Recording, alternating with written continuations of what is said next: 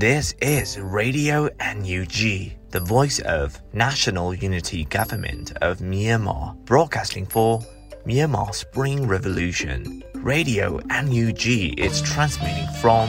shortwave 16 meter 17.79 megahertz at 8:30 a.m. and 25 meter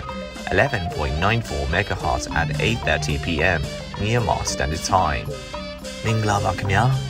အမျိုးသားညီညွတ်ရေးအစိုးရရဲ့အတန်လွင့်ဌာန Radio NUG ကို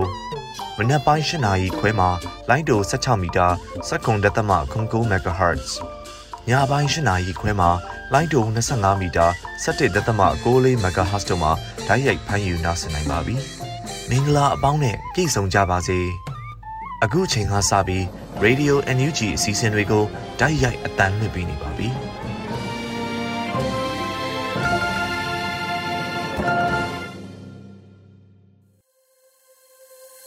မြန်မာနိုင်ငံသူနိုင်ငံသားအပေါင်းတဘာဝပေးဆရာနာရှင်ပေတို့ကနေကင်းဝေးပြီးကိုစိတ်နှပါပေးကင်းလုံခြုံကြပါစေလို့ရေဒီယိုအန်ယူဂျီဖွယ်သားများကဆုတောင်းမြတ်တာပို့သလာရပါတယ်ရှင်။အခုချိန်ကစပြီးရေဒီယိုအန်ယူဂျီရဲ့စီးရီးသတင်းကောက်နှုတ်ချက်တွေကိုတော့ရန်နိုင်မှဖတ်ကြားတင်ပြပေးပါရမရှင်။ရေဒီယိုအန်ယူဂျီသောရရှင်များမင်္ဂလာပါခင်ဗျာ။ခုချိန်ကစပြီး2024ခုနှစ်ဇန်နဝါရီလ10ရက်နေ့မနက်ပိုင်းမှာတင်ပြပေးမယ်။ ရေဒီယို NUG စစ်ရေးသတင်းများကိုဖတ်ကြားတင်ပြပေးသွားမှာဖြစ်ပါတယ်။ပြည်ုံလွင်မြို့နယ်ကြောင်မဲလေးရွာရှိစစ်တပ်စခန်းများကို TNL နဲ့ PDF ပူးပေါင်းတပ်ဖွဲ့ရက်ဆက်တိုက်ခိုက်တယ်ဆိုတဲ့သတင်းကိုတင်ဆက်ပေးပါမယ်။မန္တလေးတိုင်းပြည်ုံလွင်မြို့နယ်ကြောင်မဲလေးကျေးရွာရှိစစ်ကောင်စီတပ်စခန်းများကိုတောင်းတမတော် TNL နဲ့ပြည်သူ့ကာကွယ်ပူးပေါင်းတပ်ဖွဲ့ကတိုက်ခိုက်နေပြီးရက်ဆက်တိုက်ပွဲများပြင်းထန်နေတယ်လို့သိရပါတယ်။စစ်တပ်ကကြောင်းများအခြေစိုက်ရာပြည်ုံလွင်မြို့နယ်တွင်းကို TNL နဲ့မန္တလေး PDF ပူးပေါင်းတပ်ဖွဲ့က ဇန်နဝါရီလ6ရက်နေ့မှာစတင်ထိုးစစ်ဆင်တိုက်ခိုက်လာတာဖြစ်ပါတယ်။အဲဒီကြောင်မဲလေးကျေးရွာဟာမန္တလေးတိုင်းပြည်ုံလွင်ခရိုင်ပြည်ုံလွင်မြို့နယ်မဲမောက်နောင်ပိန်ကျေးရွာအုပ်စုကဖြစ်ပြီးတောင်တမတော်ကသတင်းထုတ်ပြန်ရမှာနောင်ချုံမြို့နယ်ကြောင်မဲလေးရွာလို့သာဖော်ပြထားပါတယ်။ပြီးခဲ့တဲ့ဇန်နဝါရီလ3ရက်နေ့ကပြည်ုံလွင်မြို့နယ်15မိုင်ခန့်အကွာနောင်ချုံမြို့နယ်တန်ဖိုရွာရှိစစ်ကောင်စီအထိုင်တပ်စခန်းကို TNL နဲ့မန္တလေး PDF ပူးပေါင်းတပ်ဖွဲ့ကတိုက်ခိုက်သိမ်းပိုက်နိုင်ခဲ့ပြီး အဆိုပါစခန်းမှစစ်ကြောင်းမှုဒုဗိုလ်မှူးကြီးတပ်အောင်ကိုပါဖမ်းဆီးနိုင်ခဲ့ပါတယ်။အဆိုပါစခန်းကိုသိမ်းပိုက်ခဲ့ပြီးတဲ့နောက်၃မိုင်ခန့်အကွာ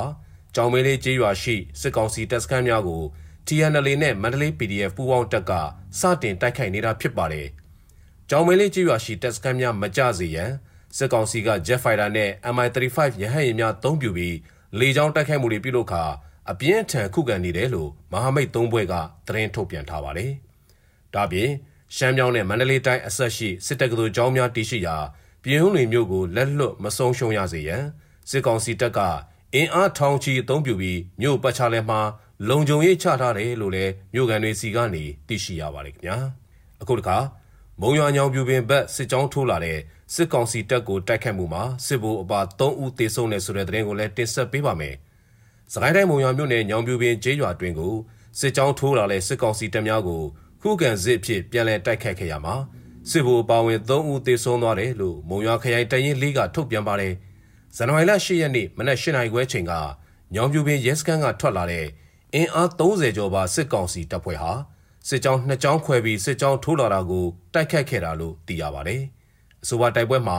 စစ်ကောင်စီဘက်ကစစ်ဗိုလ်တအုပ်ပါဝင်3ဦးသေဆုံးပြီး3ဦးပြင်းထန်ဒဏ်ရာရရှိသွားသလိုတော်လိုင်းအင်အားစုဘက်ကရဲဘော်တအုပ် တိုင်းပြည်အတွက်အသက်ပေးလူခဲ့ရတယ်လို့မုံရွာခရိုင်တရင်လေးကအသိပေးထားပါတယ်။တိုင်းပြည်အတွက်အသက်ပေးလူခဲ့တဲ့ရဲဘော်ဂျိတ်ဟာ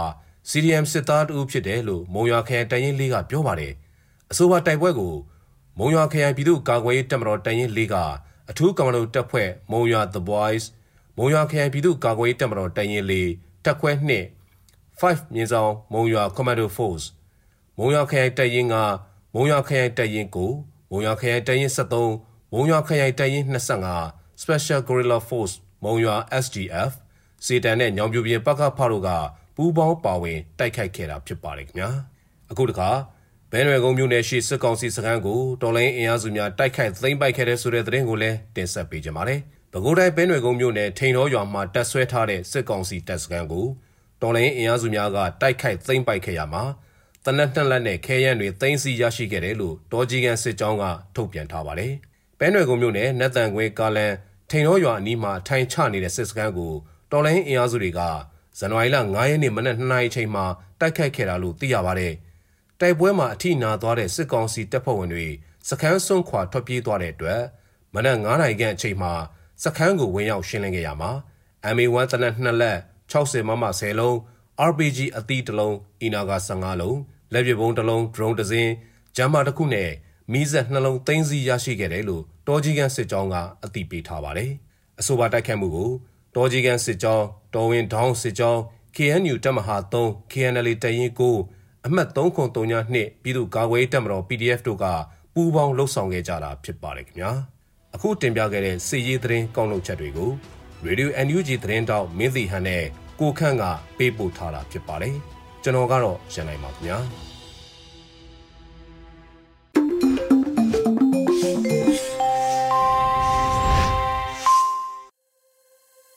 ဗီဒီယိုညူချီရဲ့မနက်ခင်းစီစဉ်တွေကိုဆက်လက်တင်လွှင့်ပေးနေပါတယ်။အခုဆက်လက်ပြီးနားဆင်ကြရမှာကတော့ပြည်တွင်းသတင်းများဖြစ်ပါတယ်။ຫນွေဦးမိုင်ကဖတ်ကြားတင်ပြပေးပါရမရှင်။ရေဒီယို UNG ကိုနားတော်တာဆင်နေကြတဲ့မိဘပြည်သူများအားလုံးမင်္ဂလာပါ။အခုချိန်ကစပြီးဇန်နဝါရီလ10ရက်နေ့မနက်ခင်းပြည်တွင်းသတင်းများကိုဖတ်ကြားပေးပါရမယ်။ကျွန်မကတော့ຫນွေဦးမိုင်ဖြစ်ပါရရှင်။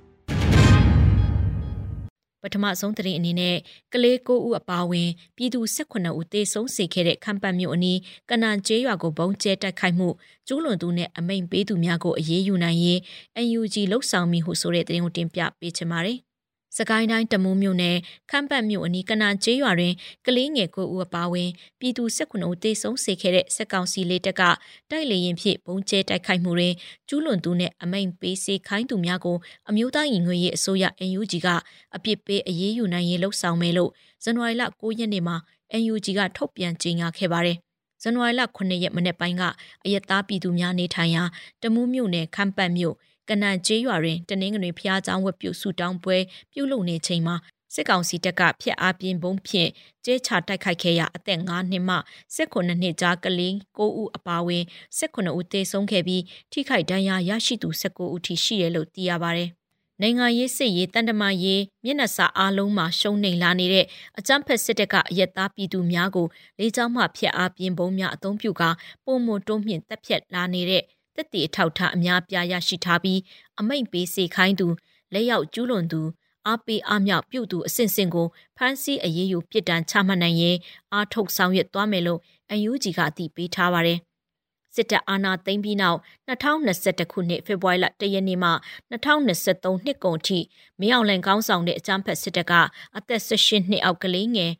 629ဦး အမျိုးသမီး1019ဦးကိုတပ်ဖြတ်ခဲ့ပြီးအပြစ်မဲ့ပြည်သူများနေထိုင်ရာရဲရွာများကိုလေကြောင်းအုံပြုတိုက်ခိုက်မှုပေါင်း983ကြိမ်ကျူးလွန်ခဲ့ပါတယ်။အဆိုပါလေကြောင်းတိုက်ခိုက်မှုများအတွင်းအရက်သား898ဦးသေဆုံးခဲ့ပြီးဘာသာရေးအဆောက်အဦ86လုံးနဲ့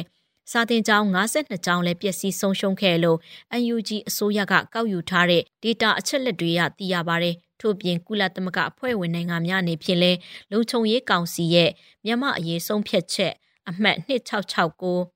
UN Security Council Resolution 2669နောက်ဆက်တွဲအဖြစ်စစ်ကောင်စီကိုပုံမှုထိရောက်တဲ့စီးပွားရေးပိတ်ဆို့မှုများနဲ့လေရင်စီအပါအဝင်လက်နက်ခဲယမ်းတင်ပို့ရောင်းချခြင်းကိုပိတ်ဆို့မှုတို့ပါဝင်တဲ့ဆုံးဖြတ်ချက်အသစ်နဲ့ထိရောက်သောအရေးယူမှုများပေါ်ထွက်လာစေရန်ဝိုင်းဝန်းလှုံ့ဆော်ပေးကြဖို့ကိုလည်းတိုက်တွန်းထားပါတယ်ရှင်။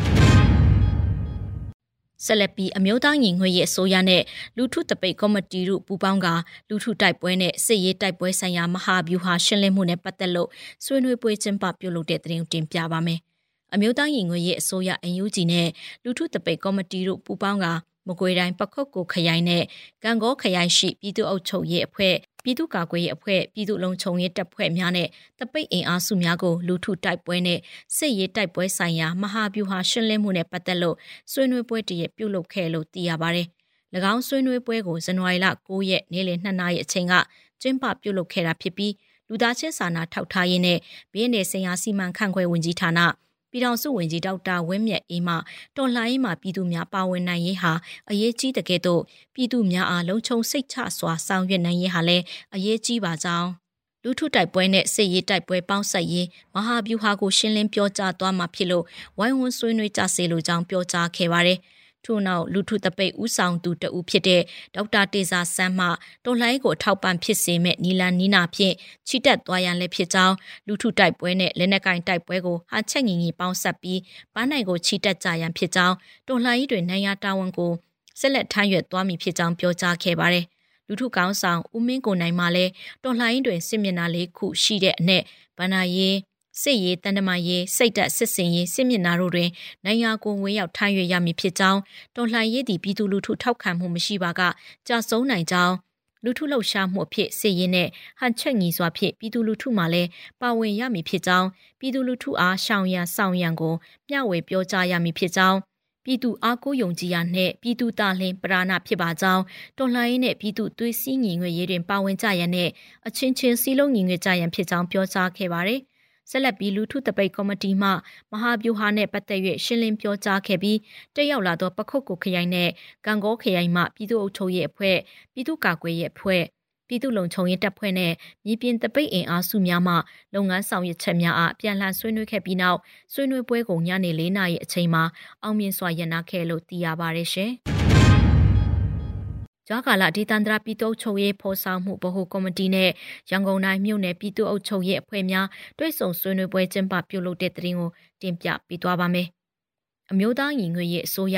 ကြားကာလဒေသန္တရပြည်သူ့အုပ်ချုပ်ရေးဖော်ဆောင်မှုဗဟိုကော်မတီနဲ့ရန်ကုန်တိုင်းမှမြို့နယ်ပြည်သူ့အုပ်ချုပ်ရေးအဖွဲ့များတွဲဆုံဆွေးနွေးပွဲအစည်းအဝေးတင်မြင့်ဆောင်2024ကိုဇန်နဝါရီလ9ရက်နေ့နေ့လယ်တနာရီအချိန်မှာကျင်းပပြုလုပ်ခဲ့လို့သိရပါတယ်။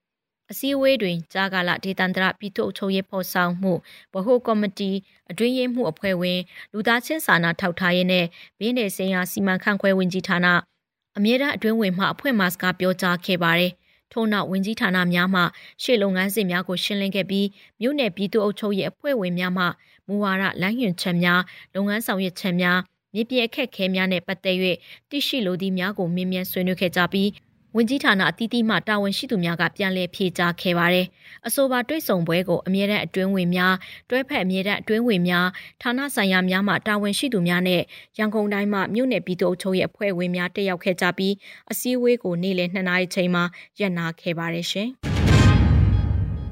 ဆက်သွယ်တရင်အချက်လက်နဲ့ဤပညာဝင်ကြီးဌာနပြည်တော်စုဝင်ကြီးနဲ့ဌာနပေါင်းစုံဝန်ထမ်းများနှစ်သက်တွေ့ဆုံပွဲကျင်းပပြုလုပ်တဲ့တရင်ကိုနောက်ထပ်တင်ပြပေးပါမယ်။ စစ်သွေးရေးတရင်အချက်လက်နဲ့ဤပညာဝင်ကြီးဌာနပြည်ထောင်စုဝင်ကြီးနဲ့ဌာနပေါင်းစုံဝန်ထမ်းများနှစ်သစ်တွေ့ဆုံပွဲတရက်ကိုဇန်နဝါရီ9ရက်နေ့ကအွန်လိုင်းမှတဆင့်ကျင်းပပြုလုပ်ခဲ့လို့သိရပါဗျ။တွေ့ဆုံပွဲကိုစစ်သွေးရေးတရင်အချက်လက်နဲ့ဤပညာဝင်ကြီးဌာနလက်အောက်ရှိ Radio UNG Information Technology ဦးစီးဌာန Finance and Administration ဦးစီးဌာန Telecommunication ဦးစီးဌာန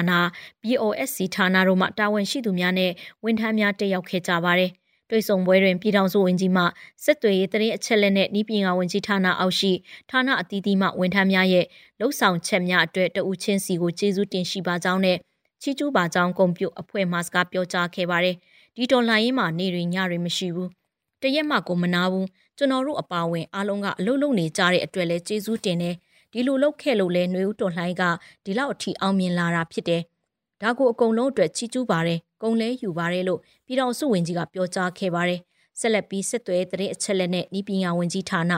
အတွင်းဝင်တဦးမှနှုတ်ခွန်းဆက်စကားပြောကြားခဲ့ပြီးဝင်ကြီးဌာနလက်အောက်ရှိဌာနအသီးသီးမှဦးစီးများကလက်ရှိဆောင်ရွက်နေမှုအခြေအနေများ2023ခုနှစ်အတွင်းဆက်သွဲရေးကဏ္ဍအောင်မြင်အောင်လှုပ်ဆောင်ခဲ့မှုများမလျှော့သောဇွဲလုံးလာများဖြင့်မရစ်မနာတိုက်ပွဲဝင်ခဲ့ရမှုများတော်လှန်ကာလအတွင်းနောက်ကွယ်မှပြန်ကြားမှုဤပညာအပါအဝင်အင်တာနက်ရရှိရေး အောင်မြင်အောင်ဆောင်ရွက်နိုင်မှုအခြေအနေများနဲ့ပတ်သက်လို့ဆွေးနွေးတင်ပြခဲ့ကြပါတယ်။ထို့ပြင်ဝင်ကြီးဌာနလက်အောက်တွင်မြေပြင်တာဝန်ထမ်းဆောင်ခဲ့ကြတဲ့ဆက်သွေးရေးမြို့နယ်ခရိုင်တာဝန်ခံများကလည်းမြေပြင်မှာကြုံတွေ့နေရတဲ့မပြေလည်မှုများကိုစီလုံးညီညွတ်မှုဖြင့်ဆောင်ရွက်ခဲ့ကြောင်းဖက်ဒရယ်ပြည်ထောင်စုတည်ဆောက်နိုင်ရေးလုံနိုင်စွမ်းရှိသလောက်ပါဝင်မိဖြစ်ကြောင်း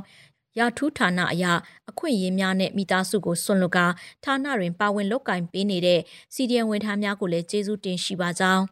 ခရိုင်တာဝန်ခံများရဲ့တော်လှန်ကာလအတွင်းပါဝင်လှုပ်ဆောင်ခဲ့မှုများကိုမှတ်ကြောက်တင်ထားပါကြောင်းဆွေးနွေးတင်ပြခဲ့ကြပါတယ်။ထို့နောက်ပြည်ထောင်စုဝင်ကြီးနဲ့တကွဝန်ထမ်းများချွတ်ခင်ရင်းနှီးစွာဖြင့်ရန်စမ်းမေးခွင့်အစီအစဉ်ကိုပျော်ရွှင်စွာကစားခဲ့ကြပြီးတာဝန်ရှိသူများမှဂုံပြုစုငွေနဲ့ဂုံပြုလက်မှတ်များအတီးတီးပေးအပ်ချင်းမြင်ခဲ့ကြရလို့သိရပါတယ်။ ညီကုန်းချုပ်အနေဖြင့်ပြည်ထောင်စုဝန်ကြီးကတော်လှန်အင်အားစုများကိုထပ်မံကျေးဇူးတင်ရှိပါကြောင်းခဏတာစိတ်ပျော်ရွှင်မှုနဲ့ဌာနတွင်စီလုံးညီငွေမှုကိုလှုပ်ဆောင်နိုင်ခဲ့တဲ့အတွက်များစွာဝမ်းမြောက်ပါကြောင်းအောင်ပွဲနဲ့အတူပြန်နိုင်ဖို့ပုံမစူးစမ်းသွားရမှာဖြစ်ကြောင်းကတိပြုပြောကြားခဲ့ပြီးအရေးတော်ပုံအောင်ရမည်လို့သုံးကြိမ်ကြွေးကြော်ကအမှတ်တရဓာတ်ပုံရိုက်ပြီးနောက်အခမ်းအနားကိုအောင်မြင်စွာရုပ်သိမ်းခဲ့ကြပါရရှင်။ စေရီတဆူကိုတပ်ဖွဲ့ဝင်တို့ကဖျက်ဆီးခဲ့မှု MNDAA တောင်းပါတဲ့သတင်းကိုတင်ပြပေးချင်ပါသေးတယ်။ကိုကန့်တက်မတော် MNDAA တပ်ဖွဲ့ဝင်တို့ကဗုဒ္ဓဘာသာဝင်များကိုးကွယ်ရာစေရီတဆူကိုဖျက်ဆီးခဲ့မှုပေါ် MNDAA ကတောင်းပန်တဲ့အကြောင်းဇန်နဝါရီလ9ရက်မှာအတိပေးထုတ်ပြန်လိုက်ပါတယ်။ MNDAA စစ်ယူနီဖောင်းဝတ်ထားတဲ့လူငယ်တဦးကဇန်နဝါရီလ10ရက်နေ့မှာဗုဒ္ဓဘာသာဝင်များကိုးကွယ်ရာဖျားစီရီတဆူကိုတန်တူနဲ့ ရိုက်နှက်ဖျက်ဆီးခဲ့တဲ့ဗီဒီယိုဖိုင်လူမှုကွန်ရက်မှာပြန့်နှံ့ခဲ့တာနဲ့ပတ်သက်ပြီးအခုလိုထုတ်ပြန်လိုက်တာဖြစ်ပါတယ်။အဆိုပါဗီဒီယိုဖိုင်ကြောင့်ပြည်သူလူထုအနေနဲ့ MNDAA ပေါ်နားလည်မှုလွဲမှားခြင်းနဲ့ပြစ်တင်ရှုတ်ချတာတွေဖြစ်ပေါ်စေခဲ့လို့ဆိုပါတယ်။အကြံဆိုးရှိသူတွေကဘာသာရေးနဲ့လူမျိုးရေးပြိပခဖြစ်စေဖို့ရည်ရွယ်ချက်ရှိရှိလှုံ့ဆော်တာကိုတားမြစ်နိုင်ဖို့နဲ့ဗုဒ္ဓဘာသာဝင်တွေဒီဗီဒီယိုဖိုင်ကြောင့်စိတ်ပိုင်းဆိုင်ရာထိခိုက်နေတာမှုမဖြစ်စေဖို့ ကြေညာချက်ထုတ်ရတာဖြစ်တယ်လို့လည်းအသိပေးထားပါတယ်။တန်တူဖြစ်ဖျားစီတွေကိုထုရိုက်ခြင်းဟာ MNDA ကအမိန့်ပေးစီခိုင်းတာမဟုတ်ပဲပုတ်ကိုရေးလှုပ်ဆောင်ခဲ့တဲ့လုပ်ရက်ဖြစ်တယ်လို့ပြောပါတယ်။ MNDAA အနေနဲ့လက်အောက်ငယ်သားတယောက်ရဲ့တက်စီးမြင်စီကံညံ့ပြင်းမှုနဲ့အရေးအချင်းမရှိတဲ့လှုပ်ဆောင်မှုအတွက် တောင်းပန်တယ်လို့ထုတ်ပြန်ထားပါတယ်။ MNDAA အနေနဲ့လွတ်လပ်သောဘာသာရေးကိုးကွယ်မှုကိုလေးစားလိုက်နာပြီးဘာသာရေးကိုစန့်ကျင်ခြင်းနဲ့ဘာသာရေးအဆောက်အုံများကိုဖျက်ဆီးဖို့အမိန့်ပေးစေခိုင်းတာမရှိဘူးလို့လည်းအသိပေးထားပါတယ်။အခုဖြစ်ခဲ့တဲ့ကိစ္စနဲ့ပတ်သက်ပြီးကျူးလွန်တဲ့သူကိုအပြစ်ပေးအရေးယူဖို့ MNDAA စစ်ရေးကော်မတီကတက်ဆိုင်ရာဌာနကိုညွှန်ကြားထားတယ်လို့လည်းသိရပါတယ်။ထို့ပြင် MNDAA အရာရှိနဲ့စစ်တေတော်အားလုံး ဘာသာရေးလွတ်လပ်မှုကိုလေးစားဖို့နဲ့ဘာသာရေးဆိုင်ရာအဆောက်အုံတွေကိုအလေးထားကာကွယ်ဖို့ညွှန်ကြားထားတယ်လို့လည်းထုတ်ပြန်ထားပါတယ်ရှင်။အကြံဖက်စစ်တပ်၏လေကြောင်းတိုက်ခိုက်မှုကြောင့်ကိုကန့်ဒေတာမှအရက်သား83ဦးသေဆုံးတဲ့သတင်းနောက်ဆုံးတင်ပြပေးပါမယ်။ တစ်တုံရနှစ်ခွန်စစ်စင်စတင်ချိန်မှယခု2024ခုနှစ်ဇန်နဝါရီလ9ရက်နေ့အထိအထူးဒေသတစ်နေမြေအတွင်းစစ်ကောင်စီတပ်၏လေကြောင်းတိုက်ခိုက်မှုကြောင့်ကိုကန့်ဒေသမှအရက်သား83ဦးသေဆုံးခဲ့လို့ကိုကန့်တပ်မတော် MNDAA ကထုတ်ပြန်ပါတယ်။ဇန်နဝါရီလ9ရက်နေ့ညကမူပန်တိန်နီခရိုင်မိုင်းယောဒေတာကိုလေကြောင်းထိုက်ခိုက်ခဲ့တာကြောင့်အရက်သားတွေထိခိုက်သေးဆုံးခဲ့ရတဲ့နေ့ပတ်သက်လို့ထုတ်ပြန်ရမှာထည့်သွင်းဖော်ပြခဲ့တာဖြစ်ပါတယ်။ ဇန်နဝါရီလ9ရက်နေ့ည9နာရီဝန်းကျင်အချိန်မှာအထူးဒေသတစ်တိန်နီခရိုင်မိုင်းယောဒေသကိုစက်ကောင်စီတပ်ကဂျက်ဖိုက်တာနဲ့၄ကြိမ်လာရောက်ပစ်ခတ်တိုက်ခိုက်ခဲ့တာကြောင့်ဒေသခတ်အရက်သား၄ဦးသေဆုံးပြီးတဦးတန်ရာရခဲ့လို့အသိပေးထားပါတယ်။သေဆုံးခဲ့သူတွေထဲက၄ဦးဟာအမျိုးသမီးတွေဖြစ်ပြီး တိုက်ပွဲဖြစ်တာမရှိဘဲလေကြောင်းကနေတိုက်ခိုက်ခဲ့တာကြောင့်အိမ်ကိုလုံးပျက်စီးသွားတယ်လို့လည်းသိရပါတယ်။တိန်နီမြို့မှာရှိတဲ့စကခ16ဧရိယာကိုတော်လှန်မဟာမိတ်တပ်တွေတိုက်ခိုက်သိမ်းပိုက်ပြီးချိန်ကစပြီးစစ်ကောင်စီဟာလေကြောင်းတိုက်ခိုက်မှုတွေလက်နက်ကြီးတွေနဲ့တိုက်ခိုက်မှုတွေစစ်တိုက်လှုပ်ဆောင်လာတာလည်းဖြစ်ပါတယ်။တော်လှန်မဟာမိတ်တွေသိမ်းပိုက်ထားတဲ့ဒေသတွေကိုအကြမ်းဖက်စစ်တပ်က အခုလိုတိုက်ခိုက်မှုတွေလှုပ်ဆောင်နေတာကြောင့်အယက်သားထိခိုက်သေးဆုံးမှုတွေမြင့်တက်လာတယ်လို့ရင်းအောင်မဟာမိတ်သုံးဖွဲ့ကလည်းအသိပေးထားပါတယ်ရှင်။အခုတင်ပြခဲ့တဲ့သတင်းတွေကိုဗီဒီယို UNG သတင်းထောက်မင်းတီဟာနဲ့ကိုခန့်ကပေးပို့ထားတာဖြစ်ပါတယ်ရှင်။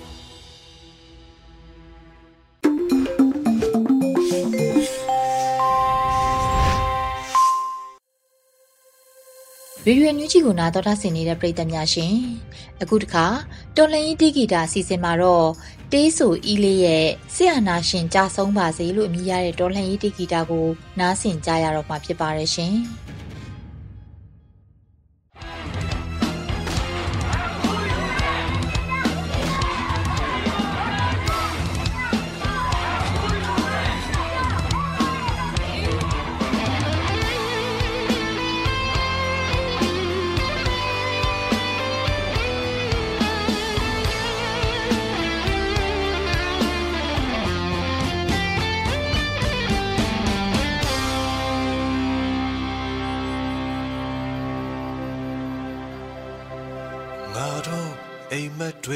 ကိုဖြတ်စီငါတို့အနာဂတ်ကိုရိုက်ချိုးပြီးအမောင်ဖုံးတဲ့နေတွေစီအတ္တမဝါဒကိုတသွင်းပြီးလူမိုက်လူညံ့တွေကိုစူးစီးလူကောင်းသူကောင်းတွေညွန်ချိုးပြီးကြောင်းပြချက်တွေနဲ့မူသားများစွာနဲ့မိန်ကွန်းချီငါတို့လုံးဝလက်မခံဘူး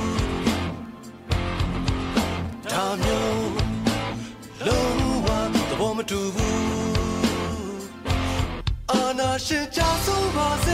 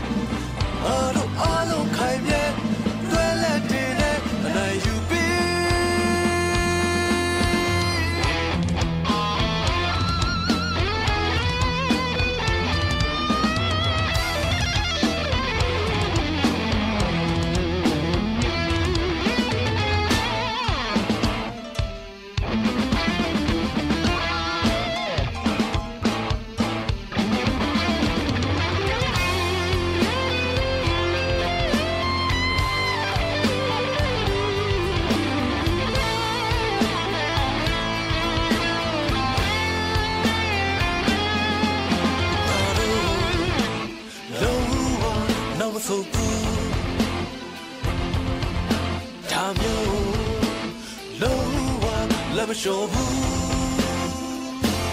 အာနာရှင်ကြဆုံးပါစေအာနာရှင်ကြဆုံးဖို့ရေငါတို့တွေ့သစ္စာနဲ့တွေ့ခြင်းနဲ့လက်တွဲ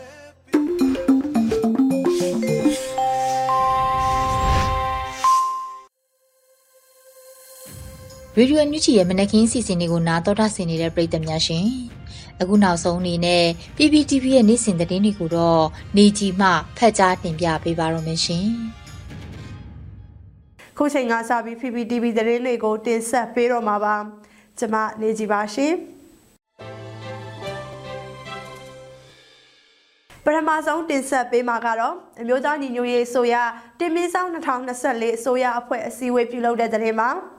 အမျိုးသားညီညွတ်ရေးဆိုရရဲ့တင်ပြင်းဆောင်2024အစိုးရအဖွဲ့အစည်းအဝေးကိုဒီကနေ့မနက်10:00နာရီမှာပြုလုပ်ခဲ့ကြပါတယ်။အစည်းအဝေးကိုယာယီသမ္မတဒူဝါလာရှိလာပြည်အောင်စုဝင်ကြီးချုပ်မန်းဝင်းခိုင်တန်းတို့အပါအဝင်ပြည်အောင်စုဝင်ကြီးတွေဒုဝင်ကြီးတွေတက်ရောက်ခဲ့ကြပါတယ်။အစည်းအဝေးမှာယာယီသမ္မတဒူဝါလာရှိလာကအဖွင့်မိန်ခွန်းပြောကြားခဲ့ပြီးနောက်ပြည်အောင်စုဝင်ကြီးချုပ်ကမိန်ခွန်းပြောကြားခဲ့ပါတယ်။ ပြည်အောင်စုဝင်ကြီးချုပ်မန်းဝင်းခိုင်တန်းကရန်သူဟာစိတ်သက်ရေးရပိုင်းရောအင်အားပိုင်းမှာပါဘလောက်ပဲချိနေနေပြီဆိုတာကို2023ကပြသနိုင်ခဲ့ပြီးမို့ဒီအခြေအနေကိုလက်လွတ်မခံပဲကျွန်တော်တို့အားလုံးစီစီလုံးလုံးညီညီညွတ်ညွတ်နဲ့ရှေ့ဆက်ကြိုးပမ်းကြရမယ့်နှစ်လည်းဖြစ်ပါတယ် တစ်တုံညာနှစ်ခွန်စစ်စေးရေးကာလအတွင်းမှာပြီးအကြမ်းဖက်စစ်ကောင်စီဟာဗိုလ်မှူးချုပ်ရှေ့ဦးအထိဆုံးရှုံးခဲ့တာမို့ဒီလိုအခြေအနေဟာတခါမှမကြုံဘူးတဲ့အခြေအနေလည်းဖြစ်ပေါ်နေပါပြီဇန်နဝါရီလ9ရက်နေ့တုန်းကလည်း MNDAA ကလောက်ကိုင်းမျိုးကိုအပိသက်ထိန်ချုံနိုင်လိုက်တယ်ဆိုတာနဲ့အဲ့ဒီလိုအခြေအနေမျိုးဟာအကြမ်းဖက်စစ်ကောင်စီရဲ့လက်ရှိအနေအထားကိုကောင်းကောင်းမိမောင်းထိုးပြလိုက်တာပဲဖြစ်ပါတယ်စစ်သားနဲ့မိသားစုစုစုဝေးပေါင်း4000အခန့်လက်နက်ချအညံ့ခံခဲ့တာဖြစ်တာကြောင့် တမိုင်းမှာစစ်တပ်ကနေတနေရာထဲမှာပဲစစ်သားထောင်နဲ့ချီလက်နက်ချခဲ့ခြင်းဟာပထမအကြိမ်လည်းဖြစ်ပါတယ်။ဒါကြောင့်အခုချိန်ကတော့တော်လိုင်းအင်အားစုတွေအတွက်အချိန်ကောင်းတစ်ခုဖြစ်တယ်ဆိုတာသိချနေပြီပဲဖြစ်ပါတယ်လို့ပြောကြားလိုက်ပါတယ်။ ဒါအပြင်အောင်မြင်မှုကလက်တကမ်းအလိုမှာရှိနေပြီလို့ယုံကြည်ကြောင်းဒီအောင်မြင်မှုရောက်ရှိအောင်အချိန်ကိုက်ပြီးဘယ်ကဏ္ဍကိုထိထိရောက်ရောက်ကြိုးပမ်းနိုင်မလဲဆိုတာအဖြေဟာကျွန်တော်တို့စီမှာသာရှိတဲ့အတွက်အင်အားအပြည့်နဲ့အတူတကွဆက်လက်စ조사ကြရေးတိုက်တွန်းပြောကြားထားပါတယ် အစည်းအဝေးမှာပြောင်စုဝေကြီးချုပ်ကဂျာကာလာစိုက်ပျိုးရေးနဲ့မွေးမြူရေးဦးစီးဌာနရဲ့တနေ့ပြည့်အစည်းအဝေးခန်းစာတင်ပြတဲ့ကိစ္စတွေကိုဆွေးနွေးမှုတွေပြုလုပ်ခဲ့ပါတယ်။အဲဒီနောက်ပြောင်စုဝေကြီးချုပ်ကတင်ပြလာတာတွေကိုပြန်လည်ရှင်းလင်းဆွေးနွေးပြီးယာယီသမရကညီကုန်းချုပ်အမစကားပြောကြားကအစည်းအဝေးကိုရုပ်သိမ်းခဲ့ပါတယ်။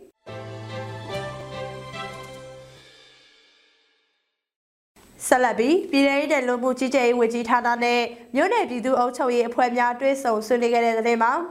အမျိုးသားညီညွတ်ရေးဆိုရပြည်ထောင်စုနဲ့လူမှုကြီးကြပ်ရေးဝန်ကြီးဌာနနဲ့ပဲခူးတိုင်းအေရဝတီတိုင်းရှယ်ကုန်းတိုင်းတတိလိုက်တိုင်းတို့မှာရှိတဲ့မြို့နယ်ပြည်သူ့အုပ်ချုပ်ရေးအဖွဲ့များတွဲဆုံဆွေးနွေးပွဲစီဝေးတင်ပြေးဆောင်2024ကိုဇန်နဝါရီလ10ရက်နေ့မနက်7:00နာရီမှာပြုလုပ်ခဲ့ကြပါတယ်။အစည်းအဝေးမှာပြည်ထောင်စုနဲ့လူမှုကြီးကြပ်ရေးဝန်ကြီးဌာနတွဲဖက်အမြဲတမ်းတွဲဝင်ရဲ့ဆွေးနွေးမှုနဲ့စတင်ခဲ့ပြီးပြည်သူ့အုပ်ချုပ်ရေးဦးစီးဌာနညွှန်ကြားရေးမှူးကရှင်းလုပ်ငန်းစဉ်များကိုရှင်းလင်းပြောကြားခဲ့တာပါ။ဆက်လက်ပြီးတက်ရောက်လာတဲ့မြို့နယ်ပြည်သူ့အုပ်ချုပ်ရေးဖွဲ့ဝင်တွေက မူဝါဒလမ်းညွှန်ချက်များမြေပြင်အုပ်ချုပ်ရေးဆောင်ရွက်နေမှုများကြုံတွေ့နေရတဲ့အခက်အခဲများကိုမေးမြန်းဆွေးနွေးရာဝကြီးဌာနရဲ့တာဝန်ရှိသူတွေကပြန်လည်ဖြေကြားခဲ့ပါတယ်။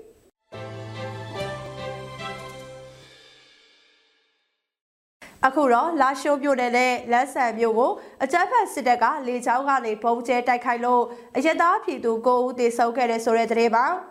ရှမ်းပြည်မြောက်ပိုင်းတအောင်းပြည်နယ်လာရှိုးမြို့နယ်နဲ့လက်ဆန်မြို့ကိုအကြမ်းဖက်စစ်တပ်ကလေကြောင်းကနေပုံကျဲတိုက်ခိုက်ခဲ့တာကြောင့်အရသားပြည်သူ9ဦးသေဆုံးခဲ့ရတယ်လို့တအောင်းတပ်မတော် TNL ကသတင်းထုတ်ပြန်ထားပါတယ်။ဇလဝါရီလ9ရက်နေ့ကလာရှိုးမြို့နယ်နဲ့လန်းဆန်မြို့နယ်ကိုအကြမ်းဖက်စစ်တပ်ကလေကြောင်းတိုက်ခိုက်မှုတွေပြုလုပ်ခဲ့တာပါ။ လာရှိုးမြို့နယ်မိုင်းရော်ကျေးရွာမှာတိုက်ပွဲဖြစ်ပွားခြင်းမရှိဘဲဇန်နဝါရီလ9ရက်နေ့ညပိုင်းကအကြမ်းဖက်စစ်ကောင်စီတပ်ကဂျက်ဖိုက်တာတိုက်ခိုက်ရေးရဟတ်နဲ့ရင်ဖျက်အားပြင်းပေါင်900ပုံကျဲတိုက်ခိုက်ခဲ့တာပါ။အကြမ်းဖက်စစ်ကောင်စီတပ်ပစ်ခတ်လိုက်တဲ့ဘုံကြောင့်မိုင်းရော်ကျေးရွာအတွင်းလူနေအိမ်ပေါ်ကိုကြားရောက်ပောက်ကွဲခဲ့တာဖြစ်ပြီးဒေသခံပြည်သူအမျိုးသမီး၄ဦးကြီးစားထိမှန်ပြီးသေဆုံးခဲ့ရတယ်လို့ TNN ကဆိုပါတယ်။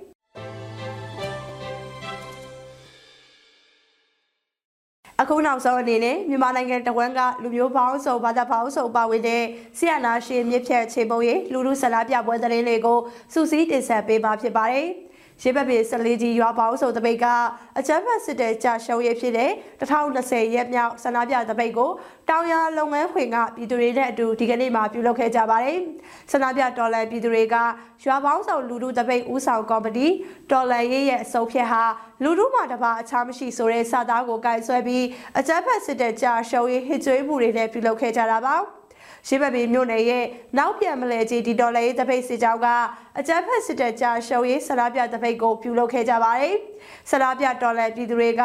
နောက်ပြန်မလဲကြီးဒီဒေါ်လာရေးတပိတ်စစ်ကြောင်းတို့တရုတ်အစိုးရဖက်စစ်တပ်နဲ့ပေါင်းပြီးမြန်မာပြည်သူတွေကိုတတ်နေတာချက်ချင်းရက်နဲ့ဖက်စစ်တပ်ကစုခွာကြပြည်သူရေခွေခိုလုံကြဆိုတဲ့စာသားကိုကင်ဆွဲပြီးအကြမ်းဖက်စစ်တပ်ကြာရှုံရေးဟစ်ကြွေးမှုတွေနဲ့ပြုလုပ်ခဲ့ကြတာပါ။စကိုင်းတိုင်းက အောင်လန်လွှတ်ပြီးရွှေကြီးတပိတ်စစ်ကြောင်းကအကြမ်းဖက်စစ်တဲ့ကြာရှုံရေးဆလာပြတပိတ်ကိုပြုလုပ်ခဲ့ကြပါတယ်။ဆလာပြဒေါ်လာပြည်သူတွေကအောင်လန်လွှတ်မီရွှေကြီးလူထုတပိတ်စစ်ကြောင်းဆိုတဲ့စာသားကိုကင်ဆွဲပြီးအကြမ်းဖက်ဆီယနာရှင်မြစ်ဖြတ်ခြေပုံရေးချီတက်ဆန္ဒပြခဲ့ကြတာပါဒီကနေ့ကတော့ဒီညနေပဲ Radio NUG ရဲ့အစည်းအဝေးကိုခਿੱတရရလိုက်ပါမယ် မြန်မာစံတော်ချိန်မနက်၈နာရီခွဲနဲ့ည၈နာရီခွဲအချိန်တွေမှာပြန်လည်ဆုံးဖြတ်ကြပါစို့ Radio NUG ကိုမနက်ပိုင်း၈နာရီခွဲမှာလိုင်းဒို16မီတာစက္ကန့်တသမ9 MHz ညပိုင်း၈နာရီခွဲမှာလိုင်းဒို25မီတာ17သမ6 MHz တို့မှာဓာတ်ရိုက်ဖမ်းယူနားဆင်နိုင်ပါပြီမြန်မာနိုင်ငံသူနိုင်ငံသားများကိုစိတ်နှပြကျန်းမာချမ်းသာလို့ဘေးကင်းလုံခြုံကြပါစေလို့ Radio NUG အဖွဲ့သူအဖွဲ့သားများကဆုတောင်းလိုက်ရပါတယ်။အမျိုးသားညီညွတ်ရေးအစိုးရရဲ့စက်သွေးရေးတရင်အချက်အလက်နဲ့ဤပညာဝန်ကြီးဌာနကထုတ်လွှင့်နေတဲ့ Radio NUG ဖြစ်ပါတယ်။ San Francisco Bay Area အခြေစိုက်မြန်မာမိသားစုများနဲ့နိုင်ငံတကာကစေတနာရှင်များလှုပ်အားပေးများရဲ့ Radio NUG ဖြစ်ပါတယ်။အရေးတော်ပုံအောင်ရမည်